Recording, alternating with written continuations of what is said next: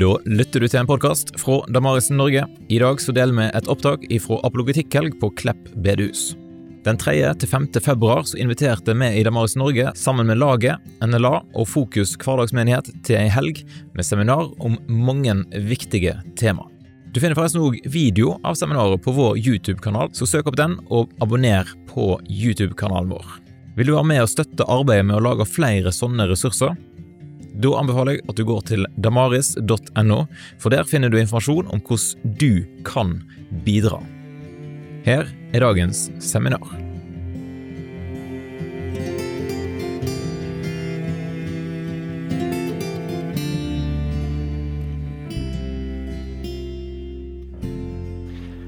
Vår kultur har genomgått en enormt drastisk förändring i synen eh, på kropp och sexualitet, i syn på kön, Eh, i syn på manligt och kvinnligt, i synen på äktenskapet.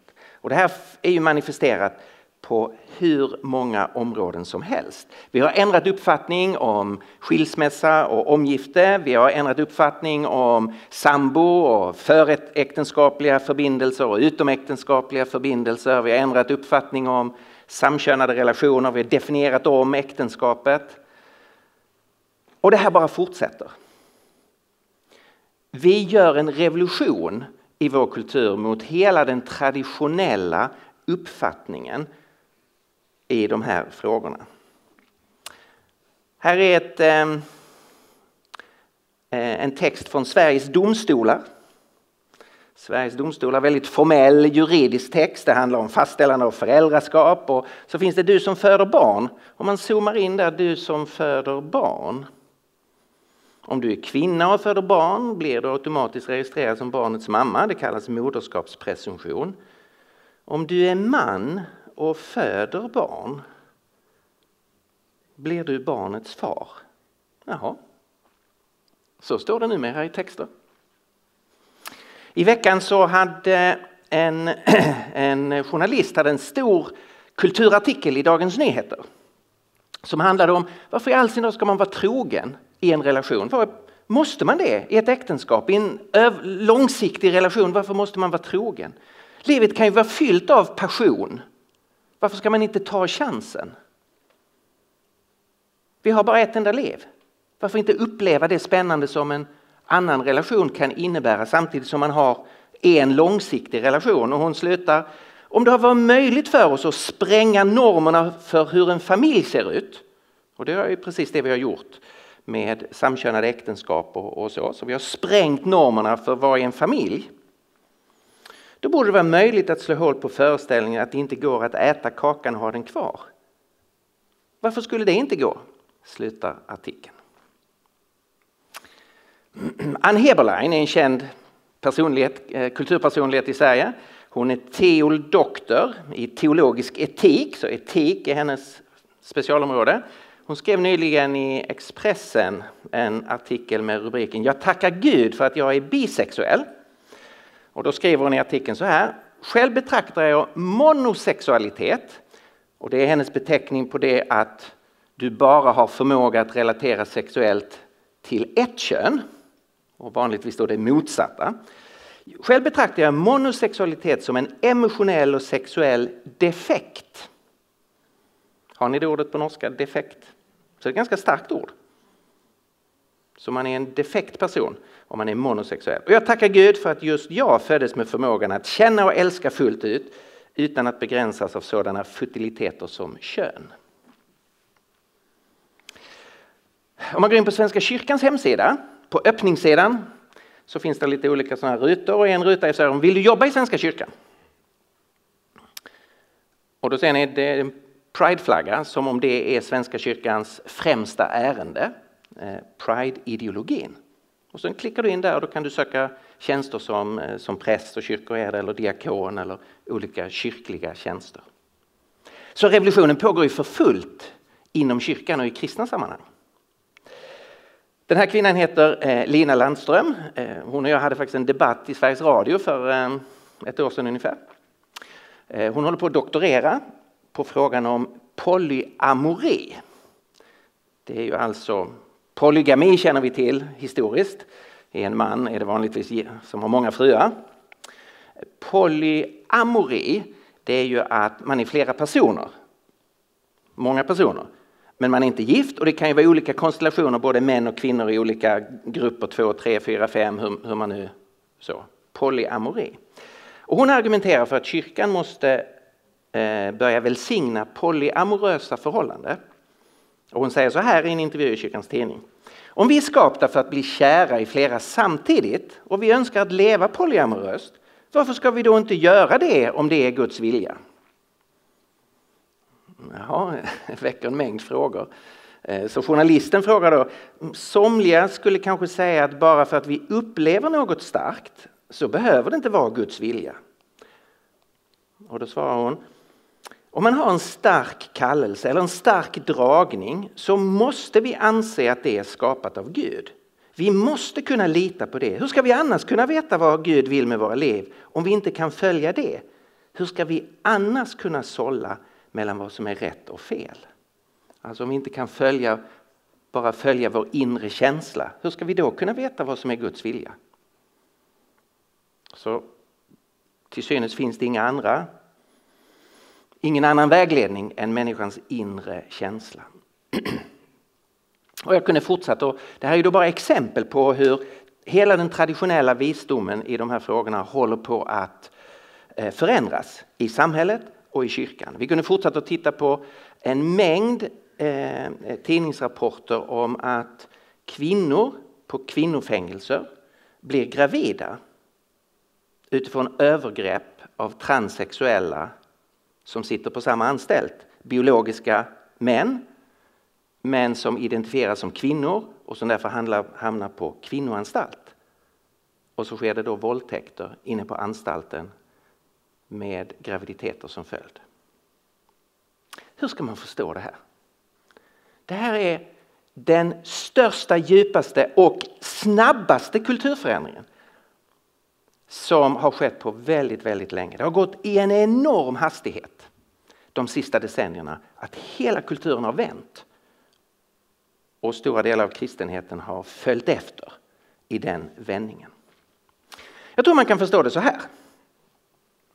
Det här är någonting som kallas för World Value Survey. Det görs regelbundet, man tittar på alla kulturer i världen. Och så tittar man utifrån några olika parametrar. Vad är det som kännetecknar kulturer? Och man har bland annat en undersökning där man har två olika parametrar. Den, eh, den lodräta axeln, då är det traditionella kulturer.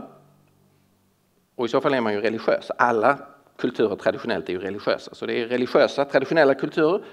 Och ju högre upp du är, ju mer sekulär är du. Då räknar du bara med denna världen. Så traditionellt kontra sekulärt. Och den andra axeln, det är överlevnadsvärde kontra självförverkligande. Många kulturer, där behöver man ju fokusera helt enkelt på att finna mat, kläder, husrum, värme, överlevnad.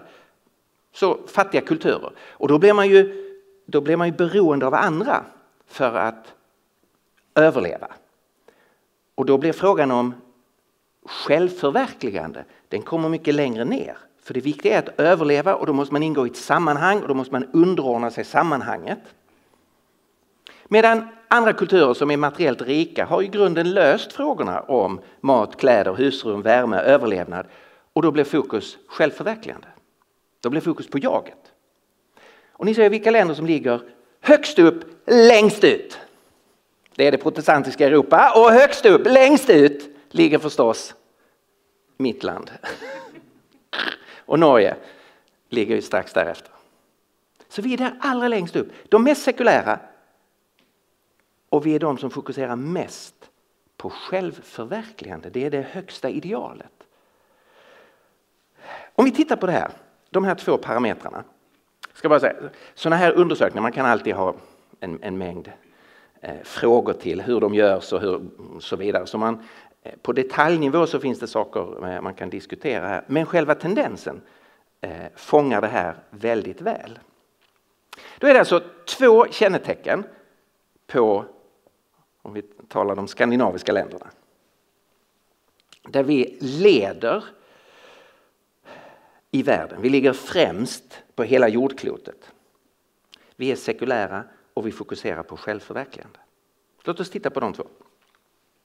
Det sekulära, det ordet kommer från ett latinskt ord, seculum, som betyder tid. På svenska har vi det i ordet sekel, ett århundrade. Så det sekulära, det betyder att man säger det är den här tiden, inte evigheten.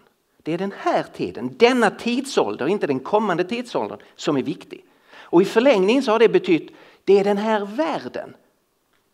Den värld som nu är åtkomlig för våra sinnen, den fysiska materiella världen, det är den viktiga världen. Det är egentligen den enda verkliga världen. En andlig värld, Gud, är irrelevant. Finns inte.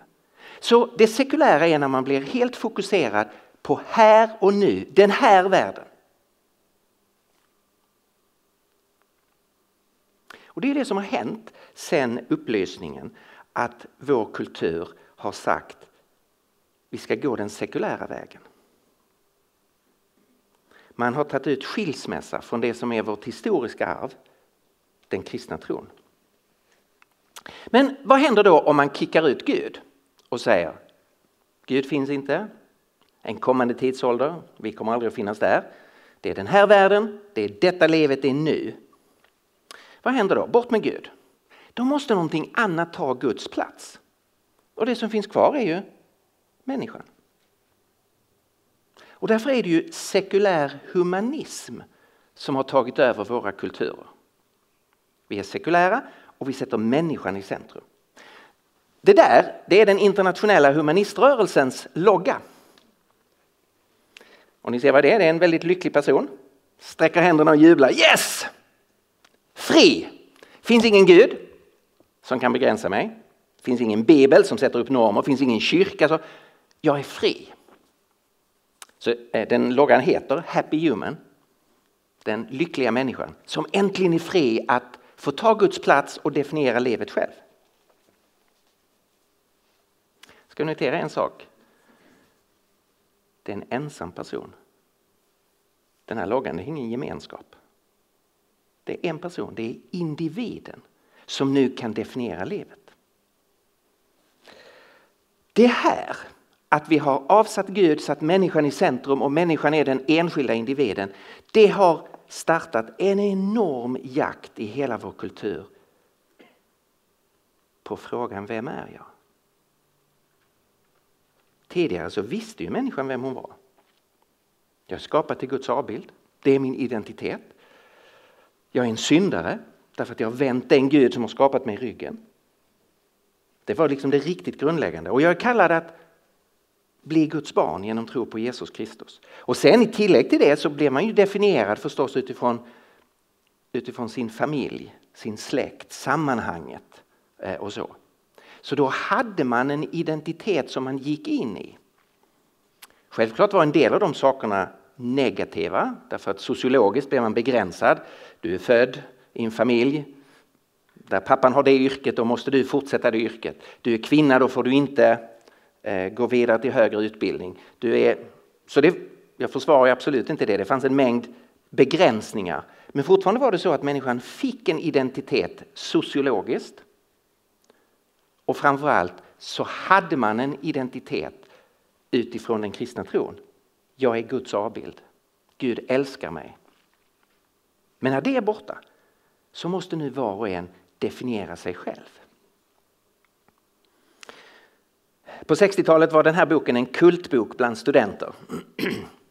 Jean-Paul Sartres lilla och fantastiskt läsvärda bok som heter Existentialismen är en humanism.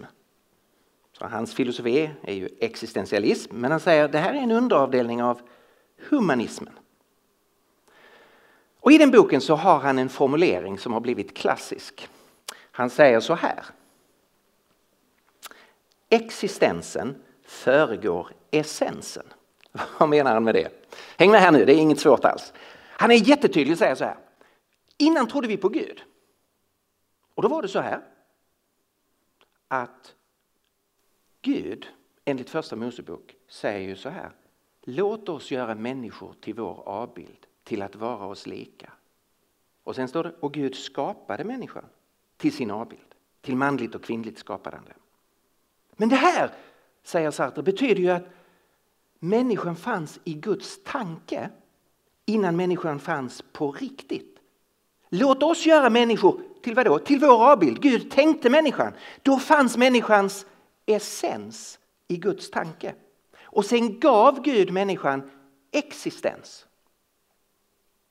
Men då hade ju människan redan en identitet, den identitet Gud hade tänkt ut. Så enligt Sartre, så när vi var kristna kunde vi tänka essensen föregår, kommer före existensen. Vi är något innan vi blir till.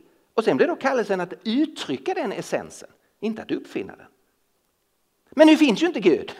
Det finns inte någon som har tänkt ut oss. Vi har ju bara blivit till slumpmässigt. Då blir det så här för människan att existensen kommer före essensen. Du är ingenting när du blir till. Du måste skapa dig själv. Du måste definiera dig själv. Du måste göra dig till vad du ska bli. Existensen föregår essensen. Det här fångar suveränt vad som har hänt i vår kultur. Innan kunde vi säga vår essens kommer före vår existens. Men nu har vi bytt på det. Så nu måste var och en tänka ut vem man är. Och därför så går människor in i sig själv för att hitta sig själv där någonstans. Och det där är som en lök, man skalar bort.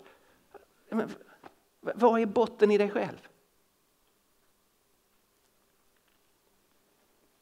Det här ligger bakom det som har hänt i vår kultur. Ett annat sätt och en liten annan infallsvinkel vad som har hänt i vår kultur. Det är att kulturer har alltid, för man kan inte leva tillsammans om man inte har ett perspektiv på gott och ont. Traditionellt i, i den protestantiska kulturen så har grundperspektivet varit att man tänker utifrån rättfärdighet och skuld. Ett rätt sätt att leva, skuld när man bryter mot det och så förstås evangeliet som erbjuder förlåtelse. Andra kulturer kan tala om heder och skam eller renhet och orenhet. Vår kultur, efter att vi lämnade kristendomen, har en ny, ett nytt riktmärke njutning och smärta. Njutning är det högsta goda. Smärta är det som ska undvikas. Tidigare tänkte man, när vi var kristna, du ska göra det som är rätt, inte det som är lätt.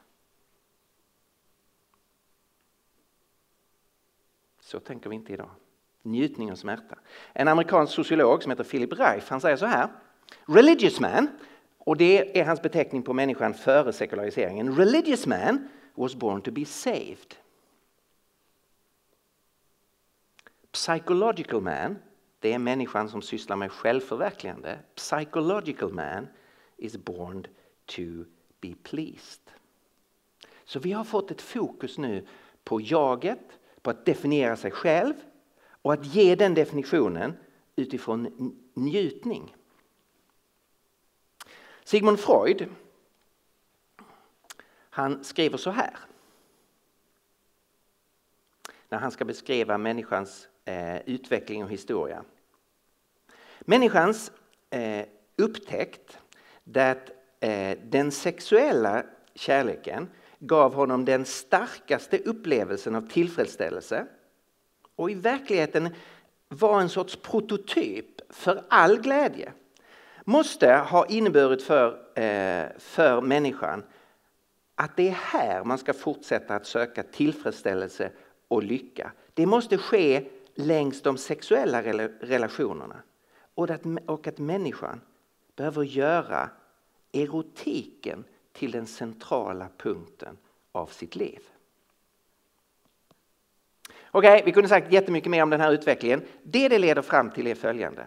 Vår kultur har upplever just nu det man kan kalla för a perfect storm. Det är ett uttryck för när flera olika faktorer samverkar och tillsammans då blir enormt mycket starkare. Vi har sagt det finns ingen Gud.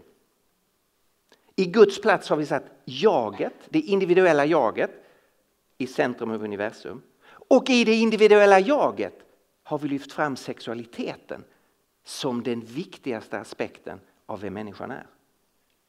Ingen Gud, jaget i centrum. I jaget är det sexualiteten som står i centrum. Här har ni bakgrunden till den sexuella revolutionen. Det går att förstå varför vår kultur säger alla de här märkliga sakerna som jag inledde med. Det har den här bakgrunden. Låt oss då bli lite mer konkreta om den sexuella revolutionen. Och igen, precis som med sekulariseringen, så är det ju Sverige som tar ledningen. Under 50 och 60-talet blev den svenska synden världsberömd och Sverige tog tillsammans med Danmark ledningen i att börja tillämpa den sexuella revolutionen. Det skedde på flera olika sätt. Eh, den här filmen La Dolce Vita av en italiensk regissör räknas som en av 1900-talets allra främsta filmer blev en symbol för den sexuella revolutionen. La Dolce Vita, det ljuva livet. Den börjar så här. Det är två helikoptrar som flyger på låg höjd över Rom. Under den främre helikoptern så hänger det en stor Kristusstaty. Den ska flyttas från ett museum till ett annat eller från en kyrka till en annan, jag minns inte. Men den ska i alla fall flyttas. I helikoptern bakom sitter det fem unga journalister som har fått i uppdrag att bevaka den här förflyttningen av Kristusstatyn. De flyger på låg höjd över Rom, de passerar ett hotell och på hotellets tak finns det en pool och runt poolen ligger det ett gäng unga, snygga, vackra kvinnor i bikini. Tusen gånger mer intressant än en Kristusstaty. Så de ger tecken till helikopterpiloten och säger stanna, stanna och de börjar cirkla över det här hotelltaket, försöka få kontakt med kvinnorna där nere och Kristusstatyn försvinner bort i fjärran. Det där är väldigt symboliskt. Kristendomen försvinner bort. Nu ska erotiken ta Guds plats. Det är det som ska definiera oss. Den mest ikoniska scenen i filmen är när den svenska sexsymbolen Anita Ekberg hon badar i eh, Fontana di Trevi. Det är natt. Hon vadar ut i den här fontänen. Kameran följer henne med så att säga mannens blick, denna undersköna kvinna som badar i vattnet. Den unge mannen står utanför fontänen. Och så kallar hon honom till sig. Marcello, Marcello! Och han vadar ut i vattnet och det är ett sånt jätteladdat ögonblick. Och precis när de ska omfamna varandra så slutar vattnet att rinna. Fontänen stängs av och det blir alldeles tyst. Och de rör inte varandra. Och sen går de bara i tystnad därifrån. Den symboliken har väldigt få kopplat an till därför att det filmen visar är att den sexuella revolutionen bara leder till tystnad och ensamhet. Människorna i den här filmen som söker lyckan i sex, tillfälliga sexuella förbindelser, är olyckliga rakt igenom hela filmen. Okej, okay, sexuella revolutionen startar på ett sätt i Sverige på 50-60-talet där man börjar praktisera en friare syn på sexualitet. Men ska man förstå den sexuella revolutionen behöver man backa tillbaka till 20-30-talet i Tyskland och Österrike. Då kommer man till den här mannen, Wilhelm Reich. Han skrev en bok som hette just den sexuella revolutionen. Och Reich säger det har redan börjat rulla igång en sexuell revolution. och det finns ingen makt i världen som kan stoppa den. Och hittills har han haft rätt. Revolutionen har fortsatt att rulla. Alla revolutioner de säger så här, vi är förtryckta, nu behöver vi slå oss fria och så ska vi nå det här paradiset. Och Rice säger, formulerar väldigt tydligt sin, sitt revolutionära program. Vi måste avskaffa det livslånga monogama äktenskapet. Du kan inte räkna med att du ska leva med en person hela ditt liv och bara relatera sexuellt till en. Klart du får ha sex i äktenskapet men du kan ha sex i andra relationer också. Vi måste uppmuntra barns och ungdomars sexualitet. Sex är inte bara för vuxna. Sex är naturligt, finns med i människan från början. Alltså kan man ha sex genom hela livet. Att undertrycka sexuella kroppsliga drifter är destruktivt. Alltså det är att ha en sexuell impuls och så säga stopp, nej, bort. Det är destruktivt farligt. Vi ska släppa fram sexualiteten. Det är en naturlig aspekt av människan. Därmed måste vi avskaffa hela kategorin det perversa. Alltså det perversa det betyder ju en avvikelse och det tänkandet bygger ju på, okay, inom det här området så är det rätt och sunt. Men om du kommer utanför det området så blir det en perversion, en avvikelse från hur det borde vara. Men det finns inget sätt som det borde vara på. Därmed finns det inget som är perverst. Så vi måste sluta tala om perversa eh, sexuella eh, praktiker. Här måste man säga att Reich har varit väldigt framgångsrik. Det är precis så här kulturen tänker, förutom på ett område. På ett område är vi nästan striktare idag än tidigare och det är ju barnsexualitet. Pedofili räknas ju som något av det värsta så att säga. Men det är enda området där Reich inte har lyckats. Reich i sin tur var präglad av den här mannen, Sigmund Freud, som jag redan har citerat och som gav sexualiteten en så viktig plats i människans liv. Och han säger så här att människans sexuella grundtillstånd den är, och nu använder han en konstig term, polymorft pervers. Polymorf det betyder månggestaltad, den tar sig många olika uttryck. Och den är utifrån hur kulturen tänker så är människan naturligt pervers. Alltså håller sig inte inom en viss ram utan sexualiteten rör sig liksom på ett vitt fält. Och han säger, ja men ta ett barn, ett barn är sexuellt men den förstår inte skillnaden mellan att ha sex med en människa och sex med ett djur. Den har inte lärt sig att dra den gränsen. Ett barn känner inte tabu inför vissa sexuella handlingar. Det här med att känna avsky, det är någonting som man lär sig senare, det finns inte naturligt i människan. Ett barn förstår inte skillnaden mellan sex med nära familjemedlemmar eller sex med andra. Så det finns ingen gräns mot incest.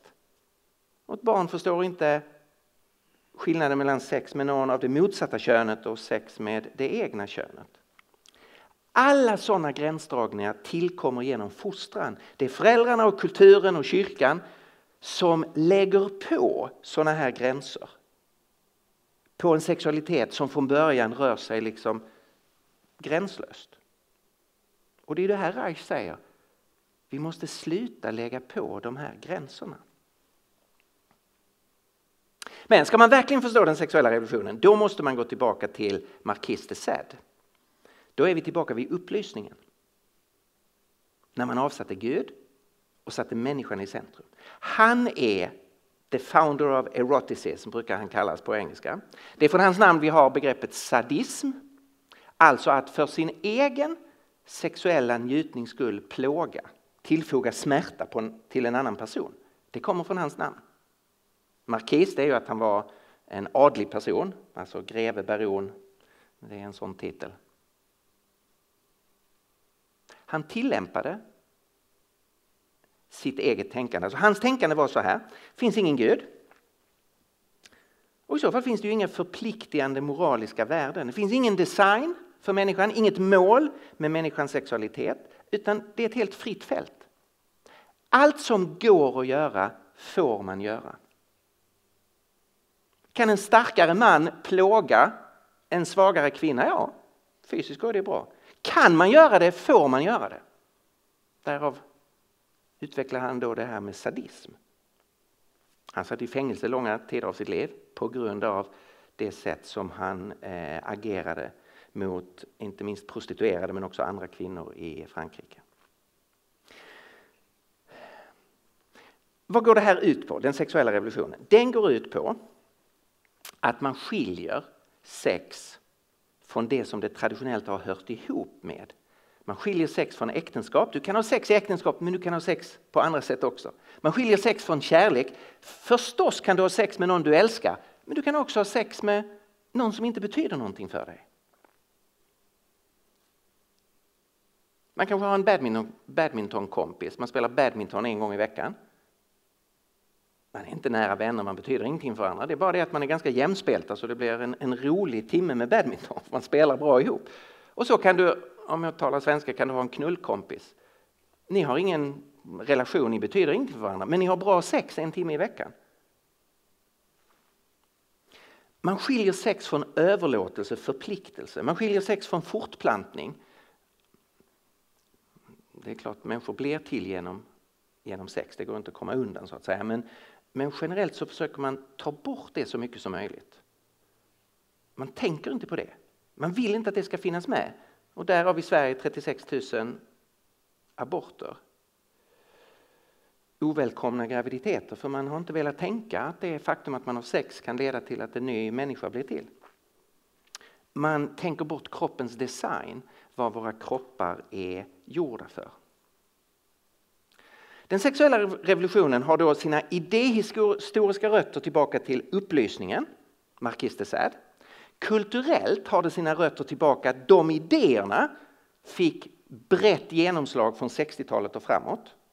Och det är först, skulle jag säga, från 90-talet och framåt som de på bredare front har börjat praktiseras i kulturen som stort. På 60-talet är det fortfarande avantgarde, det är en liten grupp som praktiserar den sexuella revolutionen.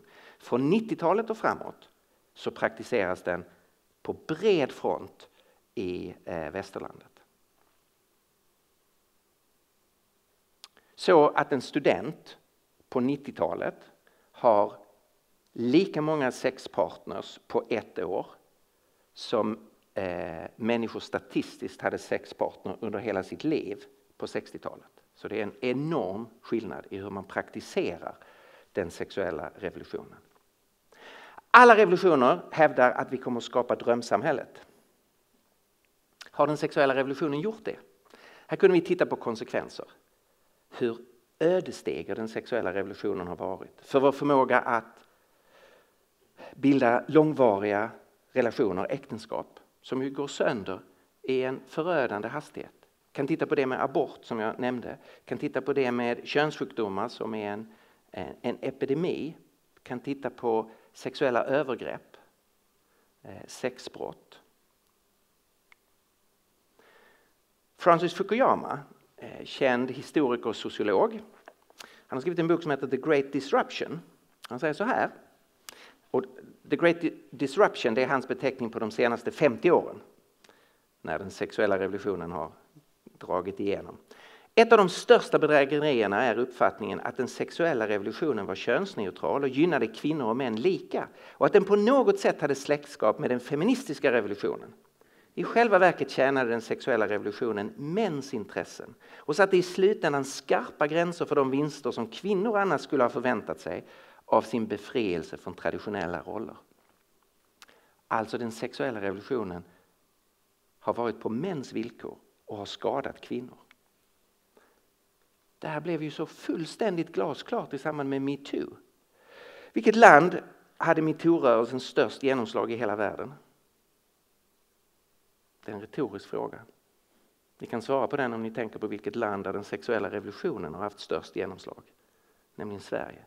I inget annat land fick metoo-rörelsen större genomslag än i Sverige. Det land där den sexuella revolutionen har gått som allra längst. Vi kunde titta på det här mer detaljerat och jag gör det i boken eh, Nakna utan skam och titta på konsekvenserna.